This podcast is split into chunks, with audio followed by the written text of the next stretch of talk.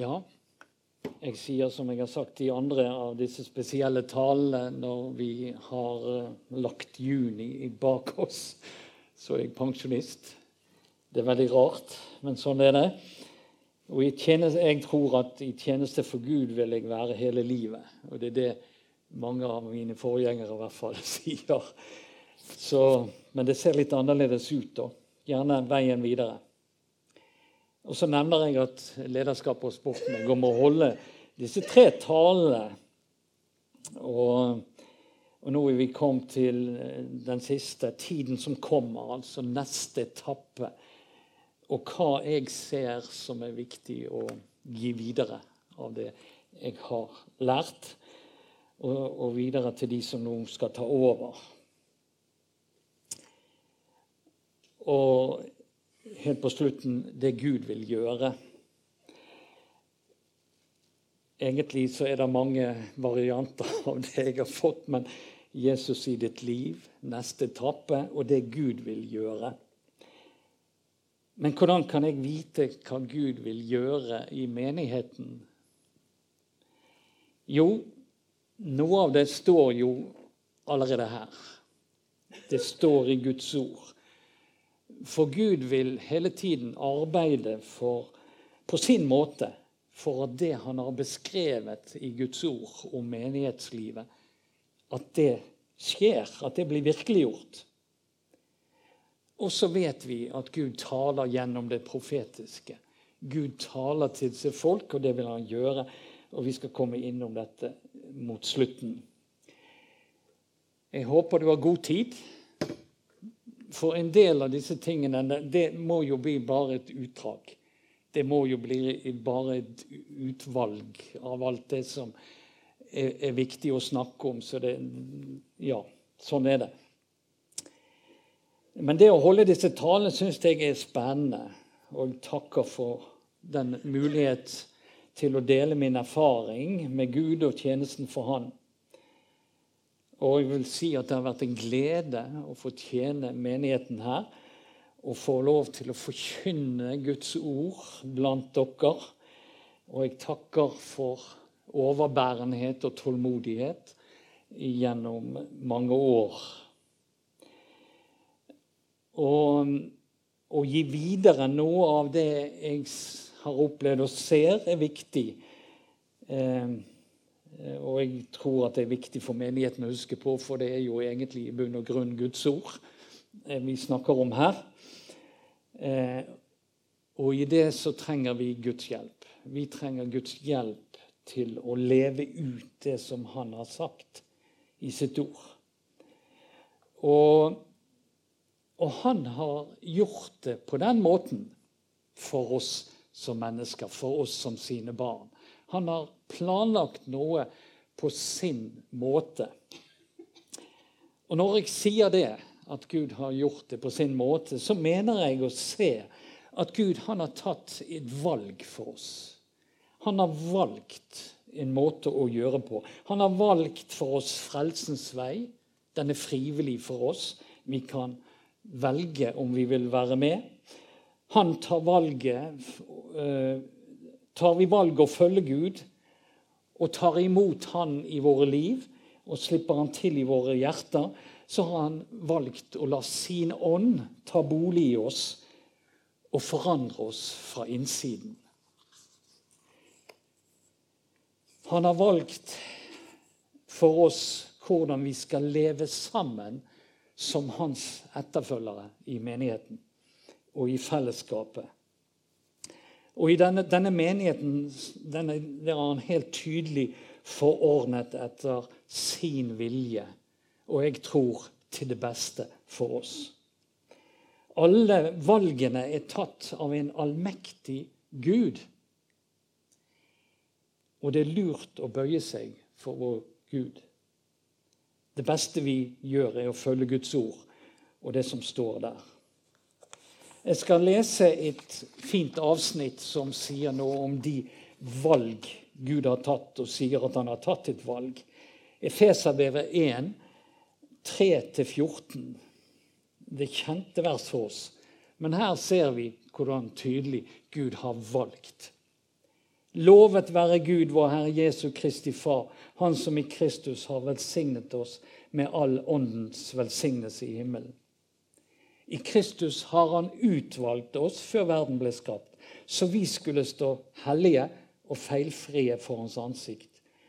I kjærlighet har Han av sin frie, egen frie vilje forutbestemt oss til å få barnekår hos seg ved Jesus Kristus til pris og ære for Hans herlighet og for den nåde han ga oss i sin elskede sønn. I ham har vi forløsningen som ble vunnet ved hans blod, tilgivelse for syndene. Så stor og rik er hans nåde, som han i rikt mål har latt oss få. Slik gav han oss all visdom og innsikt, da han kunngjorde oss sin viljes hemmelighet den frie beslutning han hadde fattet om å fullføre sin frelsesplan når tiden var inne, og sammenfatte alt i Kristus, alt i himmel og på jord. I ham har vi også fått del i arven. Vi som på forhånd var bestemt til det etter Guds forsett. Han som gjennomfører alle ting etter sin plan og vilje. Slik skulle vi være til pris og ære for Hans herlighet, vi som alt nå har satt vårt håp til Kristus. I ham er også dere kommet til tro da dere hørte sannhetens ord, evangeliet om deres frelse.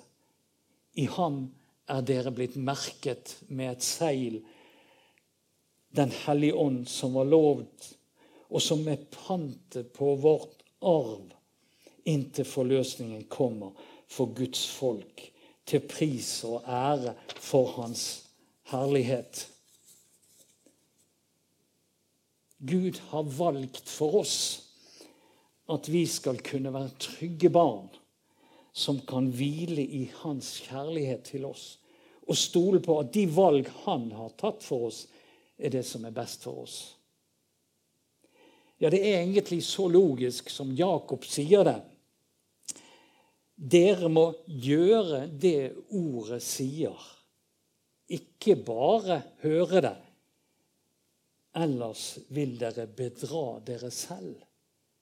Det er litt skarpt sagt, men det er sant. Vi må gjøre det ordet sier. Vi har fått det her.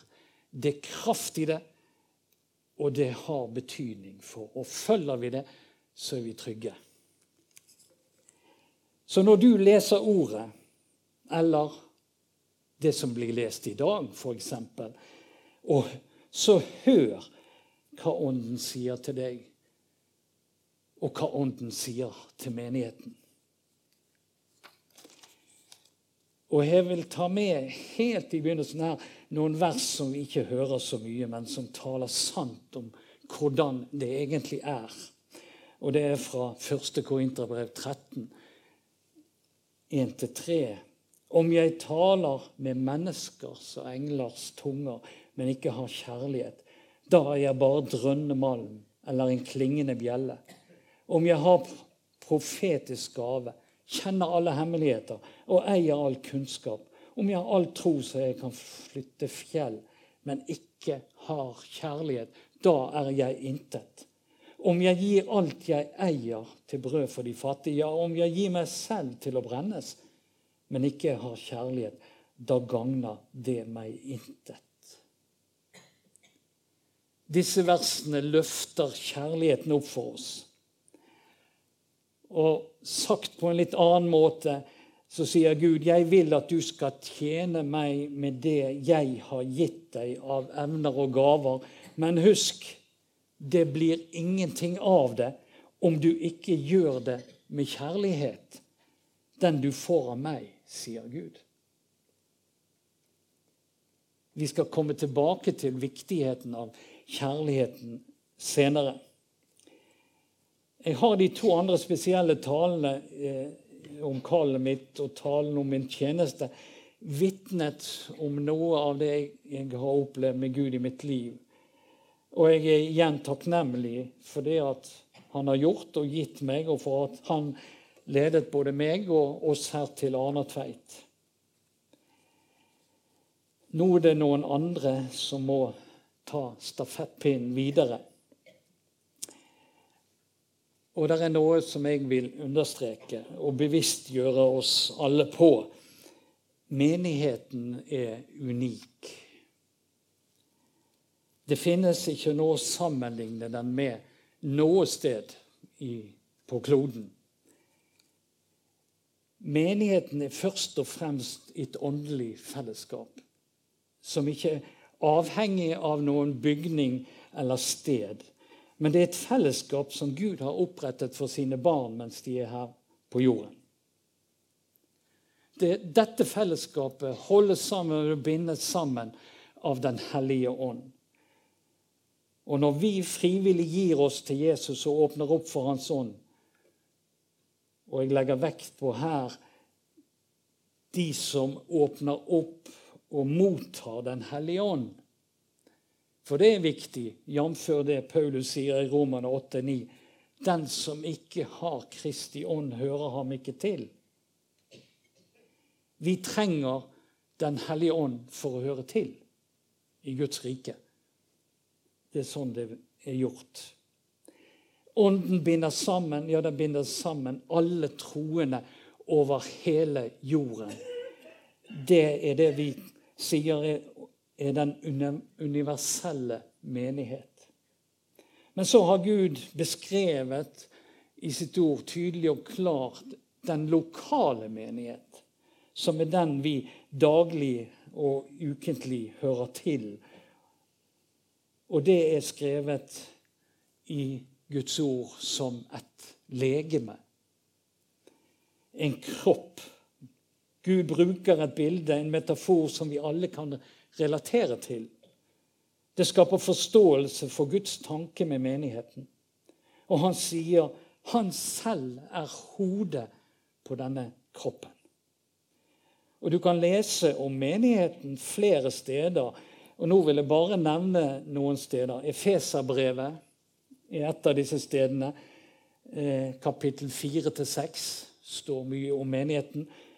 Eh, Romerbrevet kapittel 12-15 og første Korinterbrev, kapittel 11-14. Alle disse kapitlene inneholder mye viktig stoff om menigheten, og vi berører noe av dette i dag. I Efesene kapittel 4-15 finner vi dette med at Jesus er hodet. Der står det vi skal være tro mot sannheten og i kjærlighet i ett og alt vokse opp til ham som er hodet, Kristus. Altså Jesus er Herre og skal være det for hele menigheten, samtidig som han er det for den enkelte av oss. Og så noen utvalgte vers fra Paulus' sin undervisning om legeme i 1. Korinterne 12. Bare noen av disse versene der står så mye. Men legemet består ikke av ett lem, men av mange. Hvis hele kroppen var øye, hvor ble det da av hørselen? Hvis det hele var hørsel, hvor ble det da av luktesansen? Men nå har Gud gitt hvert enkelt lem sin plass på legemet, slik han ville det. Øyet kan ikke si til hånden 'Jeg trenger deg ikke', eller hodet til føttene 'Jeg har ikke bruk for dere'. For om ett lem lider, lider alle de andre med. Om ett lem blir hedret, gleder alle de andre seg. Dere er Kristi legeme, og hver enkelt er dere hans lemmer. Det er så fint. Det er så fint laget til. Gud har tenkt på alt. Vi har hender, og vi har fingre, vi har øyne og ører. Vi er helt avhengige alt sammen. Hvis, ikke, hvis, det ikke fungerer hos oss, så fungerer ikke. Og Det samme er det med menigheten. Vi trenger alle sammen. I legemet så er det altså et, en koordinasjon og et samarbeid mellom de forskjellige lemmene. Det er ikke konkurranse men det er omsorg. Har du vondt i en fot, så steller du med foten din. Og det samme vil Gud at vi skal ha i fellesskapet.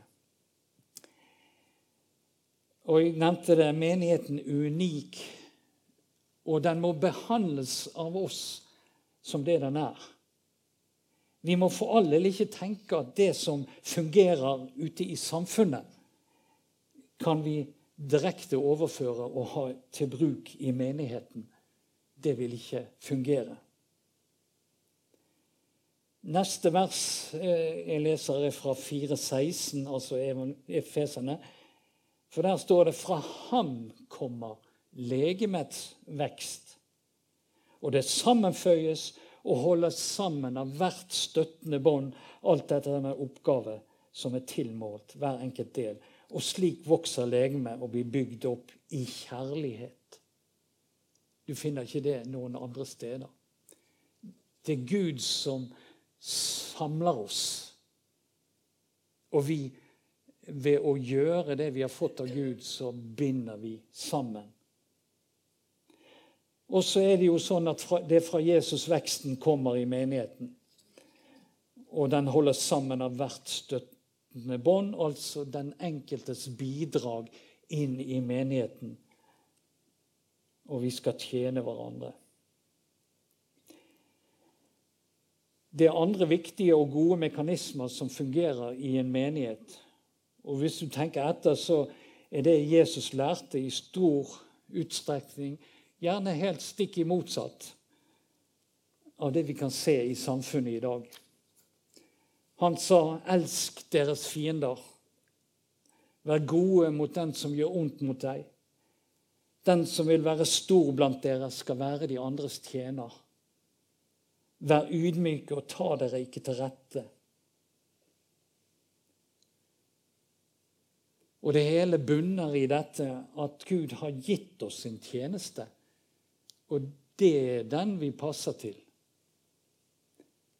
Det er den vi har fått, som er den oppgaven vi skal ha i menigheten. Ikke det som de andre har fått, men det er det som vi har fått, som vi skal gjøre. Og vi må stole på Gud når det gjelder dette. At den som har fått en lederoppgave av Gud i menigheten, er den som passer best til dette. Vi trenger ikke, som i samfunnet, å slåss om oppgavene.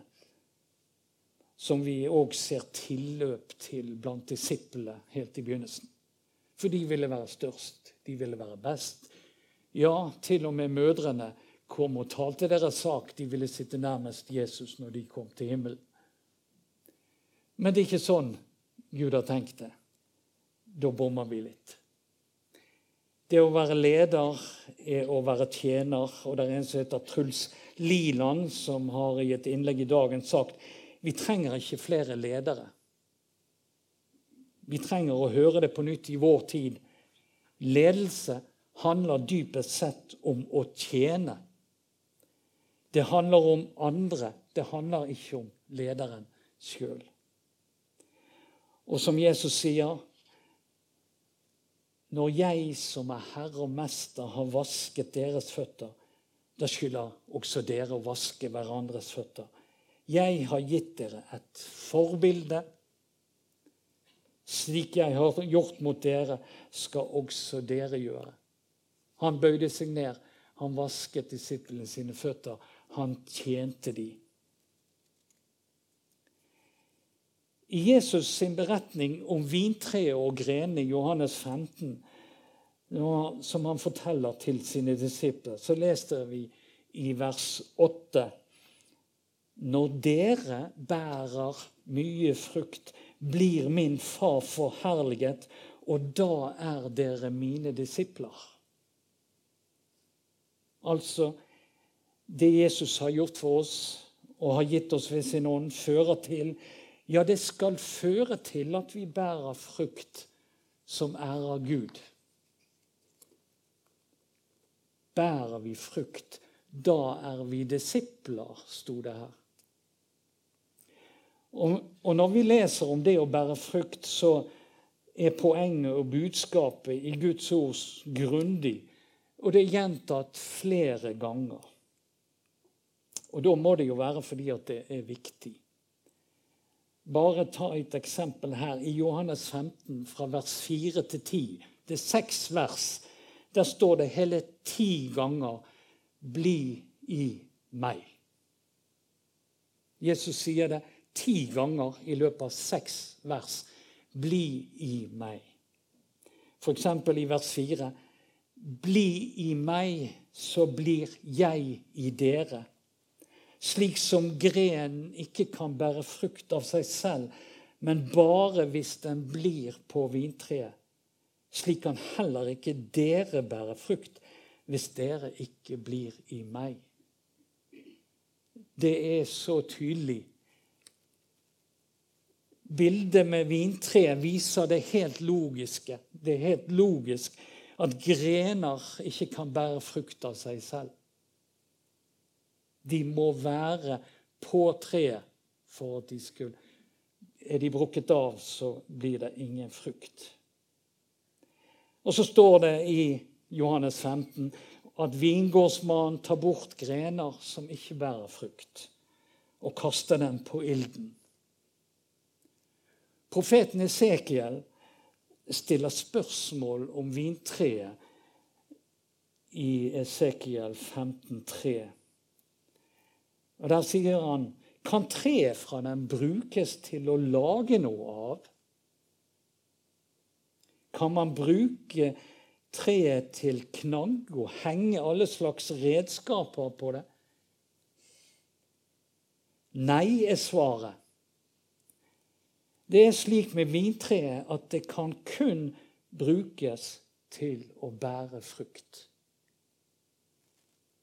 Blant skogens trær er det ubrukelig om det ikke bærer frukt. Det er ingen som lager noe av en gren fra et vintre. Det holder ikke. Og Jesus sier, 'Uten meg kan dere intet gjøre'. Vi er nødt til å bli på Han skal vi bære frukt. Det er så tydelig i Guds ord hvordan dette er poengtert og viktig. Vi må være i Jesus, og han må være i oss. Da kan vi bære frukt. Skal vår vekst og utvikling som kristne gjøre at vi blir avhengig av Han og ser det med våre øyne og våre hjerter, at jeg er nødt til å være i Han hvis jeg skal vokse og utvikle meg. Slik, på slik måte kan det bli mindre av oss og mer av Jesus i våre liv. Og her er Johannes døperen et eksempel for oss. Vi kjenner til at hans oppgave var å gå i forveien til folk og fortelle om Jesus, frelseren som skulle komme. Det var det han skulle gjøre. Og Nå vil jeg lese fra et av de mest innholdsrike kapitler i Det nye testamentet, Johannes 3. Der står det mye, men jeg skal lese fra vers 26 til 30. Disiplene gikk til Johannes og sa til ham, 'Rabbi, den mannen som var sammen med deg' på andre siden av Jordan, og som du vitnet om, han døper nå. Altså han snakker De snakker om Jesus. Ikke sant? Og så sier de alle går jo til ham. Johannes svarte et menneske kan ikke få noe om ikke det blir gitt ham fra himmelen. Dere er selv mine vitner på at jeg sa, 'Jeg er ikke Messias' men jeg er sendt i forveien for ham. Den som har bruden, han er brudgom. Men brudgommens venn som står og hører på ham, gleder seg over å høre brudgommens stemme. Denne glede er nå blitt min, sier Johannes. Helt og fullt. Han skal vokse, og jeg skal avta. Først sier Johannes, døperen, så sant det at vi må få det fra Gud. Et menneske kan ikke få noe om ikke det blir gitt ham fra himmelen. Altså, Johannes hadde fått det han skulle gjøre av Gud. Og det Johannes gjør, det har han fått, og så er han villig til å stille seg ved siden av når folket heller går til Jesus. Når de går til Jesus, så stiller han seg ved siden av. Og så ser han på, og så gleder han seg over at folket går til Jesus. Og ikke til han sjøl. Han begynte, men det var Jesus som skulle ta over. For det var hans hensikt. Han var der for å peke på Jesus og vise vei til Jesus. Og kan du se at det også er vår oppgave som menighet og som enkeltmennesker? Det er vårt oppdrag å peke på Jesus og vise vei til Jesus. For det er det vi kan gjøre. Vi kan føre mennesker til Han. Vi kan hjelpe dem til å finne troen og frelsen. Så kort og godt så er vår oppgave å knytte mennesker til Jesus. Og så er det vår oppgave, som vi ser Johannes her, å glede oss over når noen omvender seg til Jesus. Og Det har vi også i lignelse som Jesus forteller om sauen som var kommet bort. Gled dere med meg, for jeg har funnet igjen den sauen som har kommet bort. Jeg sier dere, på samme måte blir det større glede i himmelen over én synder som vender om, enn over 99 rettferdige som ikke trenger omvendelse. Og Johannes sier, denne glede er nå blitt min helt og fullt. Han gleder seg over Jesus sin suksess. Han gleder seg over at han har fått peke på han. Og det skal vi gjøre. Og I vers 30 her så kommer han med selve essensen, eller vi kan si selve kjernen i det å være en kristen, en etterfølger av Jesus. Han skal vokse, og jeg skal avta. Det er det Gud vil med oss. Han skal vokse og vi skal avta. Han skal ta over, for han vet best. Og det er det han har skapt oss til. Det skal bli mer av Jesus og mindre av meg selv i mitt liv. Det nye livet som Gud har lagt ned i oss ved sin ånd, det er det som skal vokse og overta. For da kan Gud lede oss og bruke oss til det han har tenkt. Og da kan vi bære frukt til Guds ære med det vi gjør, og med det vi oppnår. Kjærligheten er det viktigste i en kristent liv og i menighetens liv. For Gud er kjærlighet. Han er kjærlighet tvers igjennom.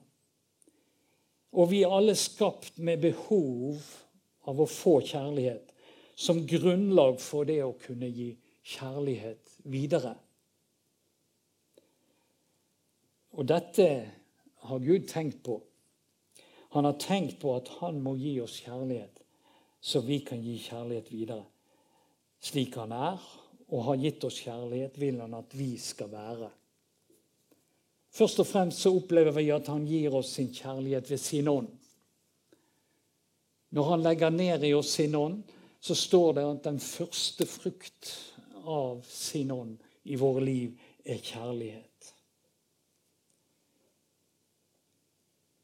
Og vi trenger stadig å bli fylt av Den hellige ånd, for vi trenger stadig å få mer av denne kjærligheten. Som troende har vi bruk for alt sammen. Og som menighet er vi avhengig av at dette fungerer og er virksomt i oss og iblant oss i et fellesskap. Og har du lagt merke til velsignelsen som vi lyser? Den aronittiske velsignelsen, som det heter. Hva er det Gud gir oss når vi mottar velsignelsen? Herren velsigne deg og bevare deg. Herren lar sitt ansikt lyse over deg og være deg nådig. Herren løfter sitt åsyn på å gi deg sin fred. Gud gir oss gode ting som vi trenger. Han vil bevare oss. Han vil være nådig mot oss, og han vil gi oss sin fred. Men så er det òg noe Gud gjør i dette. Det er det han gir. Men når du ser på velsignelsen, så er det noe Gud gjør. Jo, han ser på oss. Han lar sitt ansikt lyse over oss.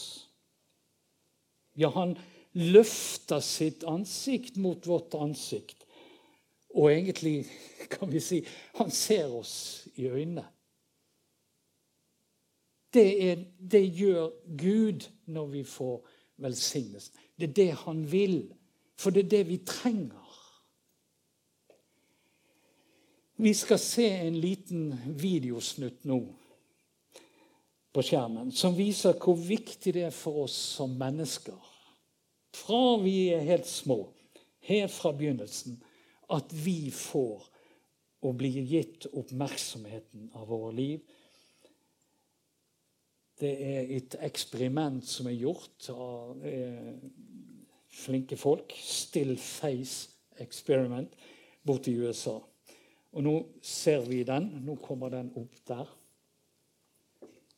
En sterk eh, lite sekvens som er enormt viktig, og som vi kan lære veldig mye av. Eh, jeg leste i noen av kommentarene på YouTube på under denne der, og der står det om folk som blir helt overveldet over det de ser. Og noen kan til og med eh, vitne om et liv der mor aldri smilte til barnet. Aldri opplevde en oppmerksomhet, osv. Vi trenger å bli sett. Og Gud, han ser oss. Vi er helt avhengig fra skapelsen av kjærlighet. Barnet trenger bekreftelse og oppmuntring gjennom blikk og den kontakten som vi gir fra de er helt små. Kjærlighet gitt ved smil, med glede. Kjærlighet som gir til barnet trygghet og anerkjennelse. Kjærlighet som sier 'du er god nok'. Du kan klare. Og det holder ikke for oss med én opplevelse, og så er det nok. Vi må ha stadig påfyll av denne anerkjennende kjærlighet i vårt liv. Og derfor må vi være der Jesus er. Vi må være i menigheten. For han har lovet å være midt iblant oss. Han vil være her. Vi må være der Gud kan la sitt ansikt lyse over oss og løfte sitt åsyn på oss, slik som han har ordnet det. For det var det han gjorde. Det var Gud som sa til Moses du skal be Aron om å velsigne. Og så sier han når de så uttaler mitt navn over israelittene, vil jeg velsigne dem. Det er løftet fra Gud. Og hver for oss så kan vi der vi er, være sammen med Gud. Og vi kan vende vårt blikk mot Han. Uansett hvordan du gjør det, så kan du vende ditt blikk mot Han. Og så la Hans kjærlighet få strømme inn i ditt liv. For han ser deg.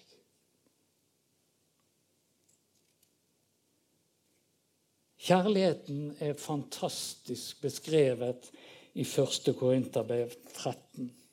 Jeg skal bare lese noe av det. Vi har lest noe av det før.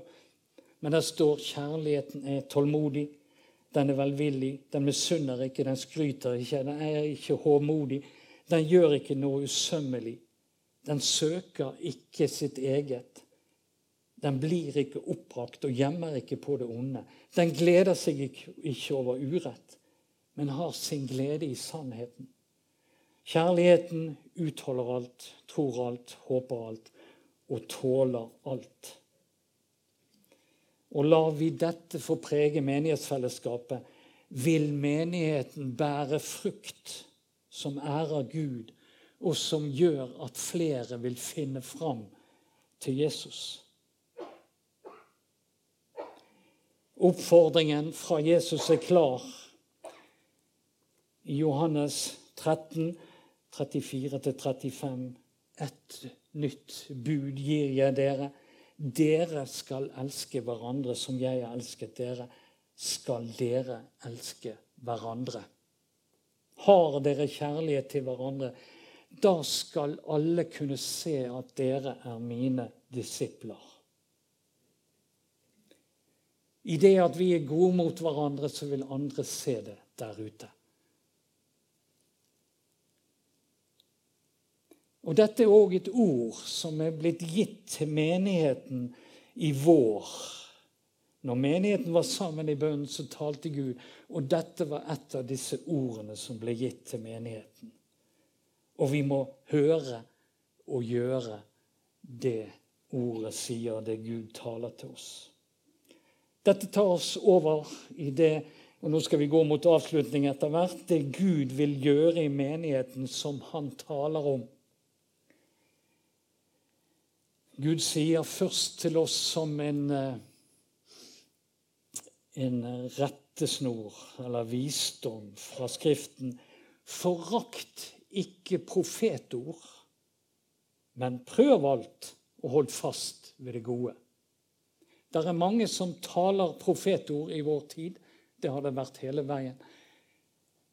Vi skal ikke forakte det, men vi skal prøve det. Noe er ikke riktig, for det er mye feil ute og går. Men vi må for all del ikke forkaste det alt. For Gud taler, og han vil tale til sitt folk.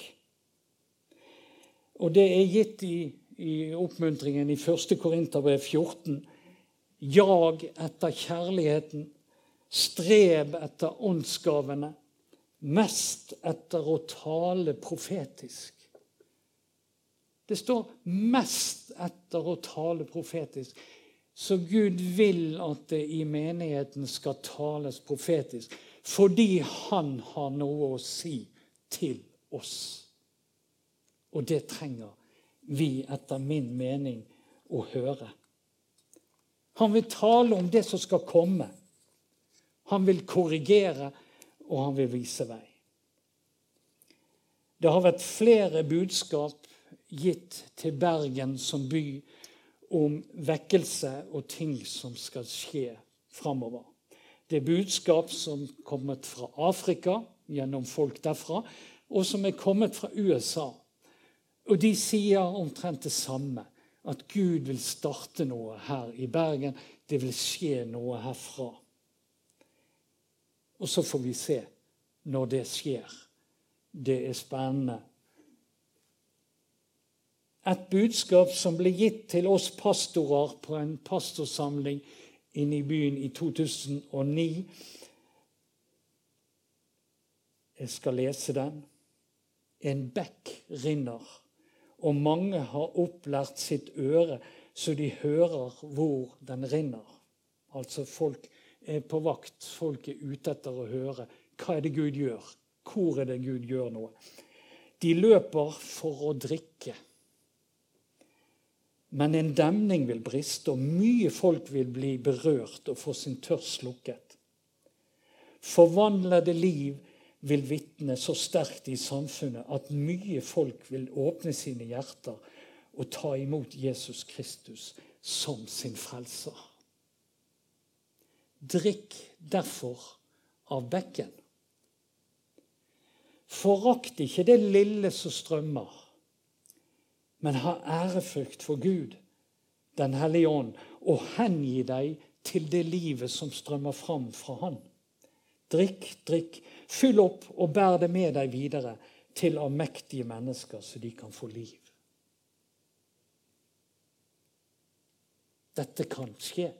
Dette kan være noe Gud gjør når han sender sin kraft Vekkelser har vi hørt om, og de er helt unike. De er så kraftige.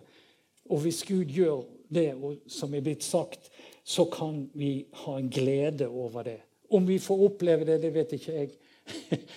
Men la oss ha troen og håpet på at det skjer. I menighetshistorie har Gud tatt flere ganger. Og det er viktig å holde fast på det profetordet har sagt. For mange år siden talte Gud om at mennesker sto i kø for å komme inn her til menigheten vår. Og noen fikk et bilde av vann som kom flytende mot oss. Og dette var vann som ikke var rent, det var skittent. For de kom. Det var mennesker som kom med livene sine. Liv som er preget av synd og med behov for frelse. Jeg har over mange år hatt en opplevelse at Gud vil gjøre noe mer her i menigheten enn det vi har sett. For den starten er så tydelig, der vi får dette huset, dette bygget. Vi var bare noen få voksne. Og Gud ga oss dette her. Han, vi hadde råd til å kjøpe en leilighet der borte som vi kunne huse de som ble ansatt her. Gud vil mer.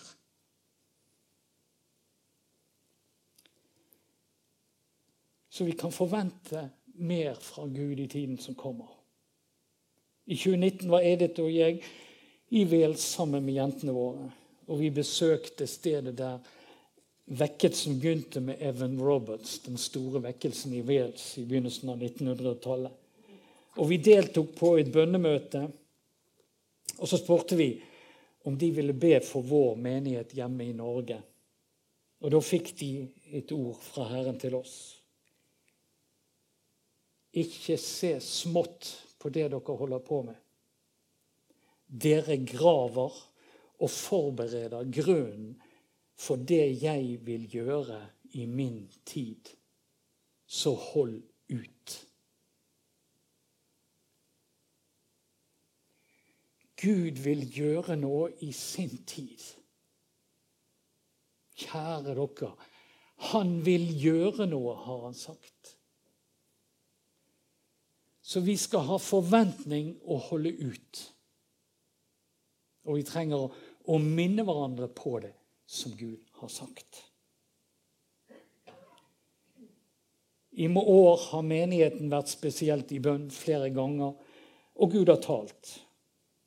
Her er bare et utdrag av noe av det. Det er bare noen få av de, alle de versene og ordene som er gitt. Jeremia 29, 12 og 13. Når dere kaller på meg og kommer til meg med deres bønner, vil jeg høre på dere. Når dere søker meg, skal dere finne meg. Ja, søker dere meg av et helt hjerte. Det er et kall for menigheten til å søke til Herren. Og til å be. Han vil høre våre bønner. Jesaja 43, 19. Nå skaper jeg noe nytt. Det spirer allerede fram. Merker dere det ikke? Ja, jeg legger vei i ødemarken og stier i ørkenen. Ser vi? Har vi forventning, så vi ser når ting begynner å skje? Når Gud gjør noe? Jesaja 40, 31. Men de som venter på Herren, får ny kraft. De løfter vingene som ørn. De løper og blir ikke trett, utmattet.